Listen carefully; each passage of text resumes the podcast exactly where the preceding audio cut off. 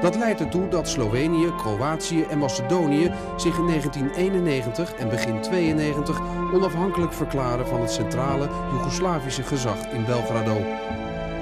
The morning after the night of celebrations, some were still singing the praises of Croatia's EU membership. De vele Serviërs die in Kroatië wonen worden onderwerp van een heftige strijd. Welkom bij de 17e aflevering van Albanië tot Zwitserland. In deze serie gaan we kriskras eh, door Europa. Dat doen we op alfabetische volgorde. Ehm, in deze aflevering is de beurt aan eh, Kroatië. Een bekend vakantieland voor, eh, voor vele landgenoten, denk ik. Maar ook wel een land met een hele bloederige geschiedenis, hè? even te gaan. Ja, absoluut. Goedemiddag. Dat is echt een, ja, een land met een hele bloedige geschiedenis, moet ik eerlijk zeggen. En dat begint al in de, ja, wat wij dan noemen de vroegste periode. Dat we vaak landen de geschiedschrijving gaan vastleggen. Dan zit je natuurlijk naar de geboorte van Christus, de Illyriërs, de Romeinen, de Turken, de Oostenrijkers, die daar allemaal ja, het bevel hebben gevoerd in dat gebied, de scepter hebben gezwaaid. En dat heeft voor allerlei onderdrukking en leed en nadigheid gezocht, gezorgd. echt een fascinerend gebied. En natuurlijk de laatste die daar een dikke vinger in de pap hebben gehad, is natuurlijk Oostenrijk-Hongarije geweest. Die daar vanaf 1815 uh, in tegenstelling tot andere landen op de Balkan, waar uh, met name ook de Turken dus uh, de baas waren. Maar hier waren het vooral de Habsburgers die het voor het zeggen hadden. Ja, dat zie je ook in de architectuur terug. Hè? Heel veel ja, Habsburgse gebouwen. Die, absoluut. Ja, ja, met die mooie kleuren. Precies. Ja. Pompeuze aan, aan, aan de opzet. Um, maar de Kroaten, waren die blij met de overheersing van, de Oostenrijk, van Oostenrijk-Hongarije? Nou, ze waren blijer met de overheersing van uh, de Oostenrijkers dan met de overheersing van de Turken. Want de Oostenrijkers hadden ook hun geloof natuurlijk. Die waren uh, grotendeels Rooms-Katholiek. En dat zijn de Kroaten ook. Die zijn in grote delen allemaal katholiek. En die werden echt in de tijd van de Turken werden ze gediscrimineerd. Omdat ze natuurlijk niet van het ware geloof waren. Dat ze niet de islam vereerden. Dus wat dat betreft was dat een enorme vooruitgang al. Ja, en dat hebben we de af, vorige aflevering ook al even kort aangestipt hè, met, met Kroatië. Op een gegeven moment valt, na de Eerste Wereldoorlog, valt Oostenrijk-Hongarije uit elkaar. Uh, en dan wordt het Koninkrijk Joegoslavië gevormd en daar wordt, is Kroatië ook onderdeel van. Ja. Maar ik begrijp eigenlijk dat, dat uh, uh, de Serviërs iets te veel, of veel te veel macht hadden naar, naar, naar de zin van de Kroaten. Ja, klopt. wat je al zegt, de oorlog is geweest, de Eerste Wereldoorlog. En dan zie je dat Turkije dus de kant heeft gekozen van de centraal. En dan verliezen Oostenrijk ook een van de verliezers. En dan valt het hele gebied uit elkaar. Voor Oostenrijk heb je dan de vrede van Saint-Germain. Waarbij dus een aantal nieuwe staten gesticht worden uit het voormalige Grote Rijk. Dan zie je dat Hongarije, Oostenrijk, apart land op de kaart komt. Het Koninkrijk Joegoslavië van, uh, hoe heet het, van Serven, Kroaten en Slovenen. Tsjechoslowakije, Polen. Al die landen komen dan weer op de kaart van Europa. En dan uh, in eerste instantie van 1918 tot 1921 heb je dan dat Koninkrijk. Later natuurlijk ook nog tot aan de Tweede Wereldoorlog. Maar dan zie je toch al dat in dat koninkrijk Joegoslavië, dat uh, kunstmatig eigenlijk bij elkaar uh, uh, geharkte land, dat daar de Serven de boventoon willen voeren. En echt macht willen uitoefenen. Ja. En dat was de, de koning Alexander, die in 1921 koning werd, die was daar eigenlijk niet tegen bestand, moet ik eerlijk zeggen. Nee. Die was geen sterke persoonlijkheid die dat echt onder de duim kon houden. En uh, in de Tweede Wereldoorlog valt Duitsland, uh, Kroatië, of Joegoslavië, maar ook, dus ook Kroatië op een gegeven moment uh, binnen. En dan komt in Kroatië Ante Pavelic aan de macht. Ja, dat is echt een ras-echte schurk. vergeef me dat ik het zeg, maar dat denk ik dat ik dat met recht mag zeggen. Een vriendje van, schrik niet, van Hitler, van Mussolini, van Perón en Argentinië en later ook nog eens een keer van Franco. Maar goed, we beginnen met het begin. Uh, hij heeft uh, in uh, dat gebied in Kroatië een geweldig aanhang gekregen. Hij is geboren in 1889. Daar was hij trots op hetzelfde jaar als Hitler. Hij heeft geleefd tot 1959. En, dat is een, een, een, een, duivelse, demonische man geweest. Die heeft in de periode van de Tweede Wereldoorlog, te beginnen natuurlijk in 1941, heeft hij echt hele kwalijke dingen gedaan, maar eigenlijk daarvoor ook al. Eh, in 1934 heeft hij met name ook eh, een chauffeur van de koning Alexander I was een aanhanger van hem. En die heeft toen die koning Alexander I, opvolger van die, die ik net noemde, die andere koning, heeft hij vermoord in Marseille. En ook een, eh, een leuk, ja, misschien nutteloos weetje, dat is de eerste aanslag die ooit verfilmd is geweest in 1934. Dus dat was heel boeiend. Uh, was een Bulgaarse revolutionair, maar nog een keer een aanhanger van Ante Pavelic.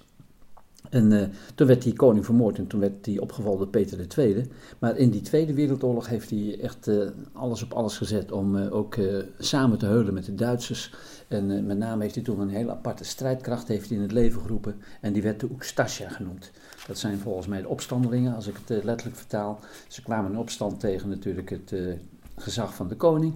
En zij streefden natuurlijk naar een eigen onafhankelijk Kroatië. Maar wel natuurlijk uh, aan de leiband van Duitsland. Dat mogen inderdaad uh, gesteld worden. Ja, het was eigenlijk gewoon een vazalstaat, toch? Ja, zeker weten. En uh, hij noemde zich ook, als ik het goed uitspreek, Poklavoniek. Dat is leider, Führer, eigenlijk vertaald ook in het Duits. En hij wilde de grote leider zijn van de Kroaten.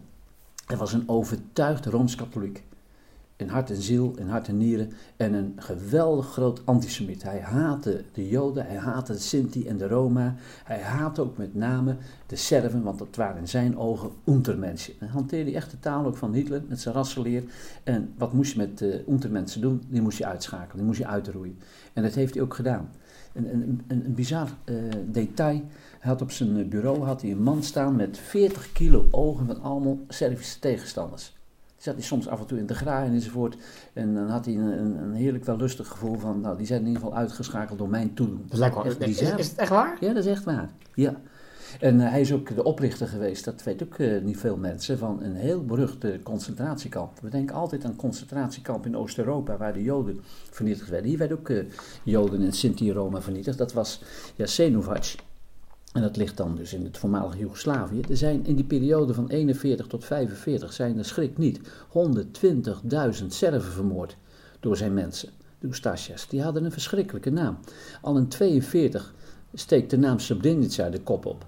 Later in 1995 Nederlandse bij betrokken, toen al in de oorlog werden daar duizenden Serviërs in opdracht van hem door de Ustasjas ver, ja, moord, verdronken in de Drina. Duizenden mensen zijn daar omgekomen. En die vent had zo ontzettend veel uh, bloed aan zijn vingers te gaan. Geruchten dat hij in die periode meer dan een half miljoen, 500.000 tot 750.000 mensen vermoord heeft. Ja. En dan op het uh, laatst, dan, uh, ja, ik heb het net al in het begin verteld, dan wordt de grond hem te heet onder de voeten. En dan wordt hij ook nog eens een keertje met behulp van het Vaticaan, omdat hij een overtuigd katholiek is en een bestrijder is geweest van de atheïsten, hè, de communisten. Wordt hij ook nog geholpen aan een, een paspoort. En dan kan hij vluchten naar het Argentinië van Perón, ook een dictator. En daar heeft hij een tijdje gezeten, tot aan, ik meen, 57. En uh, of hij daar niet goed naar zijn zin had, of dat hij daar uh, uit de gunst was geraakt bij Perón. En dan wijkt hij uit naar een andere dictator, waar hij ook met hartelijkheid en met open arm ontvangen werd. Dat was Franco. En daar is hij dan uiteindelijk ook in 1959 overleden maar een verderfelijk man, durf ik rust te stellen. Ja, en Pavlitz ja. de leider van de Oestasjas. En het klinkt al alsof, maar ik, ik denk niet, volgens mij zelfs Mussolini die ging minder ver in het volgen van Hitler. Nou, absoluut. Ja. ja. Um, de oorlog komt gelukkig tot een einde. Uh, en dan wordt Tito steeds belangrijker, de leider van de partisanen. Nou, we hebben hem al in heel veel afleveringen al uitgebreid besproken. Um, maar hij streed ook fanatiek tegen de Kroatische uh, Oestasas. Die, die, die, daar, daar was echt zijn strijd op gericht van, uh, van Tito. Ja, in uh, Joegoslavië had je eigenlijk gewoon ook eh, een oorlog natuurlijk tegen de Duitsers, maar ook weer onderlinge oorlogjes. Dat was uh, haat en tussen de Oestasias en de Chetniks. En de Chetniks, dat waren dan de Serven, die uh, wel tegen de, de Duitsers vochten. En de Oestasias, die vochten mee aan de kant van de nazi's. Hè. Dat is even goed duidelijk gesteld. Die waren dus helemaal fout, zouden wij zeggen. En de Chetniks, zou je zeggen, die waren goed. Maar het waren dan ook Serven die wel natuurlijk ook vochten voor een vrij Joegoslavië. En die hadden onderling ook heel weinig weer op met de partizanen. Dat is een derde groep die de kop opsteekt in dat uh, bezette gebied. De partizanen van Tito. Dus er waren zo drie groepen die elkaar over en weer bestreden en bekampten in de oorlog. En allemaal met één doel natuurlijk de Duitsers het land uit te jagen, maar zelf de macht te grijpen. Dat was echt uh, de bedoeling. En Tito, die wist het beste aan te pakken. Die had echt structuur ook in zijn verzetsgroepen. En die wist inderdaad ook met zijn partizaan hele grote gebieden wist te veroveren. En wist daardoor uiteindelijk ook de macht te grijpen in, uh, in Joegoslavië na afloop van de Tweede Wereldoorlog. Maar ook Tito, die, die heeft, dat, ook daar zijn handen uh, kleeft bloed. Want het is een bizarre episode bij Blijburg, net na de oorlog. Wat, wat gebeurde daar precies? Ja, uh, dat is uh, Oostenrijks grondgebied. Toen uh, de oorlog dus bijna was afgelopen, dat kon iedereen aanvoelen komen, ook de Oestasjas. Die dachten, nou dan moeten we hier wegwezen, want anders volgt de Bijltjesdag. Dan gaan ze met ons afrekenen. Dus die probeerden uit te wijken naar Oostenrijk. Maar daar werden ze opgewacht bij de grens door met name Engelse troepen. En de Engelse troepen, die waren onverzoenlijk. Ze zeiden niks ervan, jullie komen hier dit gebied niet in. En die stuurden ze linea recta terug. En toen werden ze daar weer opgewacht door Tito en zijn partizanen. En daar vlak bij het plaatsje Blijburg zijn toen, ik weet niet hoeveel, er gaan gissingen van dat er duizenden geweest zijn. Dat er echt duizenden van die Oestasia's door de partizanen van Tito zijn vermoord. Gewoon toch Bijltjesdag uiteindelijk heeft er plaatsgevonden. Ik las pas nog ergens een artikel dat er nu nog af en toe resten opduiken van massagraven van uh. Die daar in de buurt van Blijburg, Oostenrijk dus, zijn vermoord. Kort uh, na eigenlijk, ja, de bevrijding van Europa, de bevrijding van uh, de nazi's. Dat is echt een, een, ja, een heel bloederige gebeuren geweest, waarbij ook dus de Britten eigenlijk een kwalijke rol hebben gespeeld, zou je kunnen zeggen. Ja, en dat is natuurlijk tegen het verdrag van Genève. Ze hebben zich overgegeven, dus uh, ja, zijn ze in principe ja. Moet, moet je veilig zijn als militair? Ja, die moet je inderdaad uh, krijgsgevangen, die moet je inderdaad interneren en die moet je veiligstellen. Er mag inderdaad geen wraakactie komen, uh, van welke kant dan ook. Maar dat hebben de Britten, maar die was, wisten natuurlijk ook die verhalen die ik net vertelde, die zongen rond over de. Ja. Wat een, uh, ja, vergeef me, schoftend het geweest waren met het vermoorden van niet ehm, Kroatische kindertjes. zelfs katholieke priesters waren erbij betrokken bij die bloedbaden aan de kant van de Oestasia's. Als het maar geen katholieke kinderen waren, mochten zelfs nog Servische kindertjes en anderen vermoord worden. Echt schandalig wat daar gebeurd is. En, en, tegelijkertijd wisten de Britten ook heel goed van als we ze terugsturen wat er dan zou gebeuren. Dus die wisten ook heel goed dat het het einde van de zou, ja, zou zijn. Zeker. Ja, in die zin is Tito, we hebben het al in Bosnië hebben, uh, al uitgebreid besproken, waar hij enorm geliefd is. Kroatië een stuk minder. Klopt. Ook gewoon een enorme dictator. Ja, en net wat je zegt, hij is geliefd uh, met name dus in andere delen van uh, Joegoslavië, het voormalige Joegoslavië, maar niet in Kroatië, omdat hij natuurlijk geen katholiek was, Tito.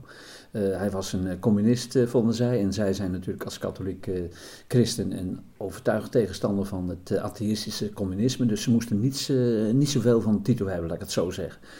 En, uh, maar Tito heeft natuurlijk zonder meer ook uh, zijn stempel op het hele gebeurde gedrukt. En uh, door bepaalde maatregelen die ik al eerder noemde, de derde weg, arbeiders zelfbestuur, wist hij toch inderdaad wel een zekere populariteit te verkrijgen. Maar nog een keer, in Kroatië minder dan in andere delen van uh, Joegoslavië. Ja, en Kroatië nationalisten, vanuit vrij veel Kroatische intellectuelen zijn opgepakt die iets te nationalistisch waren. Hè? Die iets te veel eigen taal, eigen cultuur uh, predikten. Ja, dat moest echt met uh, wortel en tak uitgeroeid worden. Dat moest uh, onder de duim gehouden worden.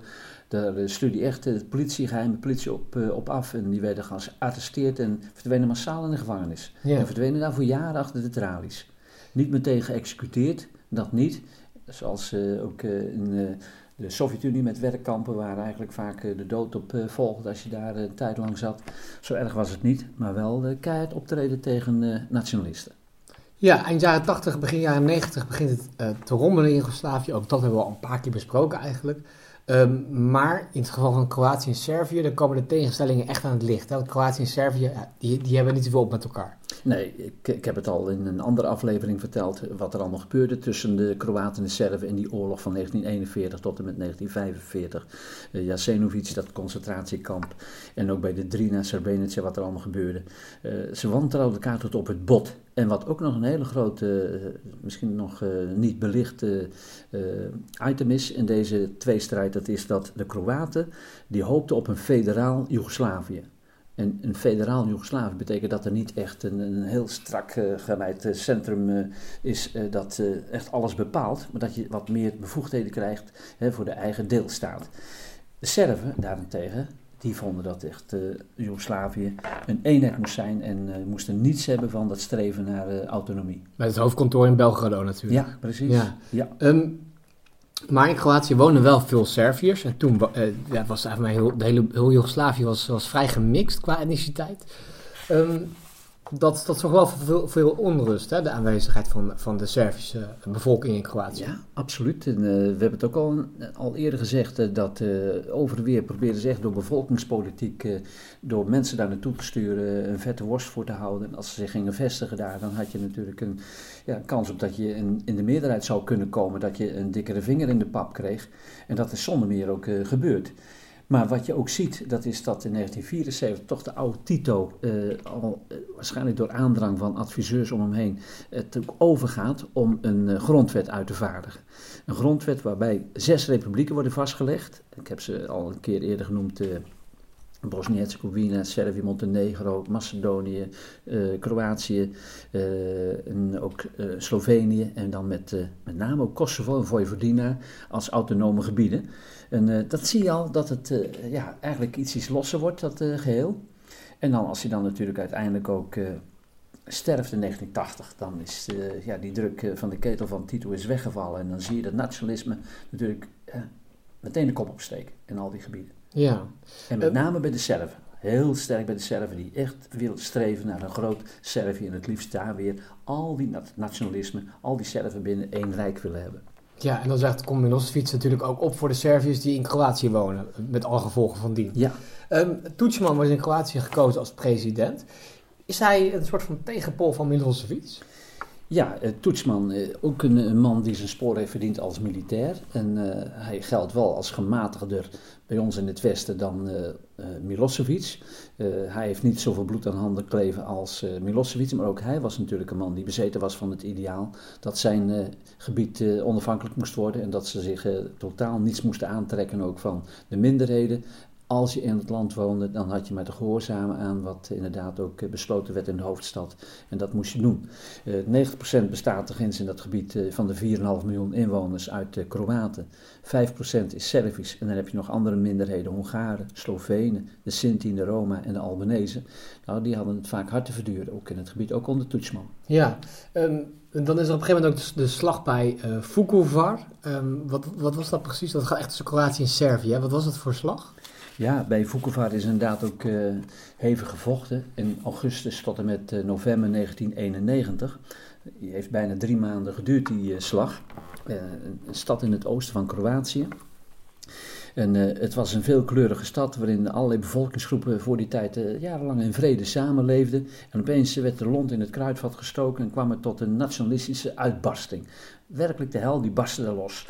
Kroatische Serven opgestookt door Milosevic, die hebben toen eh, inderdaad ook gesteund door soldaten uit Servië. Die hebben daar een aanval gedaan op Vukovar en hebben daar duizenden mensen vermoord. Dat moet echt, dat zegt de een andere, die probeerde dat aantal een beetje terug te dringen. Ik heb er niet goed zicht op hoeveel slachtoffers daar nou uiteindelijk gevallen zijn, maar het moet een, eh, een hele bloedige strijd zijn geweest eh, tussen aan de ene kant de Kroaten en aan de andere kant dus de eh, Kroatische Serven gesteund door Servische troepen. Ja, en als er maar altijd één ding onduidelijk is op de Balkan, is het wel het aantal slachtoffers. Hè? Dat Ja, is altijd, eh, dat, ja. dat loopt eh, echt van, van 10 tot 100 procent uit elkaar ongeveer. Echt wel. Met name inderdaad ook de Serven, die weten daar heel veel, ja, natuurlijk de boel op te blazen enzovoort aan te dikken. Maar dat is nou echt een voorbeeld van etnische zuivering, deze verschrikkelijke slag bij Vukovar. Ja. Ehm, de demografie van Kroatië die verandert wel echt stevig door de oorlog. Eh daar woonden 105 125.000 Serviërs eh, zijn het eh, gebied ontvlucht. Maar er komt ook een einde aan die oorlog, gelukkig, door het, eh, door het Dayton-akkoord. Wat betekent dat voor Kroatië precies? Nou, dat Dayton-akkoord misschien ook wel goed om dat te vermelden. Dat was van 1 tot en met 21 november 1995 in een eh, US-luchtmachtbasis in Amerika. En eh, door toen voornaam, voornamelijk ook van Clinton eh, zijn ze daar bij elkaar gekomen en hebben ze daar een eh, verdrag op gesteld. En er waren eh, alle partijen bij betrokken. Eh, president Izetbegovic, namelijk Bosnië-Herzegovina. Tudjman namens Kroatië en Milosevic namens Servië-Montenegro. En daar werden dan de grenzen ook weer gewoon op papier natuurlijk vastgelegd. Hè. Altijd moeten de grenzen afgebakend worden. En eh, dat is toen inderdaad daar in het Dayton-akkoord eh, vastgelegd. Maar net wat je al zei de vorige keer, over Kosovo niet. Er werd niks over vastgelegd. Dat Nee. was een hete aardappel, dat lieten ze liever natuurlijk op het bord liggen, onaangeroerd. Daar moest je niet aankomen. En toen was het gewoon dat de landen voor de keuze werden gesteld. Of een onvolmaakte vrede, of eh, ja, een hervatting van die vredeoorlog die dus daar gevoed had. En uiteindelijk hebben ze gewoon dat voor lief moeten nemen. En zijn ze dus eh, schoolvoetend akkoord gegaan met eh, de akkoorden van Dayton. En het vastleggen van de grenzen. Met allerlei gevolgen, gevolgen dat bepaalde minderheden daar helemaal niet thuis hoorden en anderen weer wel. Dat, eh, dat krijg je altijd met eh, kunstmatige, ja, het kunstmatig trekken van grenzen. Ja, en, en, en, de Kroatische bevolking in Bosnië, die heeft ook weer een eigen ja, soort van eh, staat gekregen in, in Bosnië, hè? De, de, in de, in de Kroatisch-Bosnische Federatie. Ja, klopt. Ja. Ehm, Ja. eh, Inmiddels is Kroatië lid van de Europese Unie. Het laatste land dat, uh, dat toegetreden is. Ja, de 28e. Ja, uh, uh, maar de tegenstellingen tussen Servië en Kroatië, dat zien we bij het voetbal. Hè? Als ze tegen elkaar spelen, dan zie je eigenlijk al gelijk hoeveel spanning daar nog op zit. Ja, echt. Uh, je hebt uh, specifieke voetbaloorlogen, maar ook uh, in andere verbanden. Die, die onderliggende ja, haatgevoelens, die kunnen zomaar weer de kop opsteken. Ja. Dat zie je elke keer weer gebeuren. Als er wat plaatsvindt, dan is dat vaak een klein incident wat zo kan ontaarden. Een heel groot incident. Kroatië heeft natuurlijk zonder meer ook mogen profiteren van het feit dat ze lidstaat zijn geworden. En uh, Kroatië heeft natuurlijk ook de fantastische ligging hè, als een heel groot pluspunt. Uh, Prachtige kust. Geweldig veel toeristen daar naartoe gaan. Istrië en dan die kusten waar we het al hadden. Waar Tito al natuurlijk ook van profiteerde met zijn eiland Brioni. Het is een, een machtig mooi land wat dat betreft. En daar genieten ze van. Heel veel toeristen trekken daarop af. Ze zijn zelfs ook al opgenomen in het Europese parlement. Ze zitten met, sinds 14 april 2013 met 12 leden in het Europese parlement. En ze zitten wat dat betreft duidelijk in de lift. Ik denk van alle uh, staten die voortgekomen zijn uit het voormalige Joegoslavië, dat zij het met afstand het beste doen. Slovenië. Ja, Slovenië ook wel, ja. Ja. ja. ja. Um, maar de, tegenstelling tussen Servië en Kroatië, die, het kan zomaar, dat is natuurlijk altijd de spanning op de bal kan, er kan zomaar weer wat, wat gebeuren, wat ja. Ontploffen. Ja, nou. zeker met je, met je eens. En het kan een voetbalwedstrijd zijn, maar dat kan ook weer wat anders zijn met een trein, zoals je dat ziet bij Kosovo. Uh, het hoeft maar iets te gebeuren of uh, ja, het kan weer uh, ja, openbarsten. Bedankt voor deze uitleg, uitleg over Kroatië. en bij de volgende aflevering dan gaan we een stuk noordelijker, een stuk minder warm ook. Dan gaan we het hebben over Letland. Tot dan.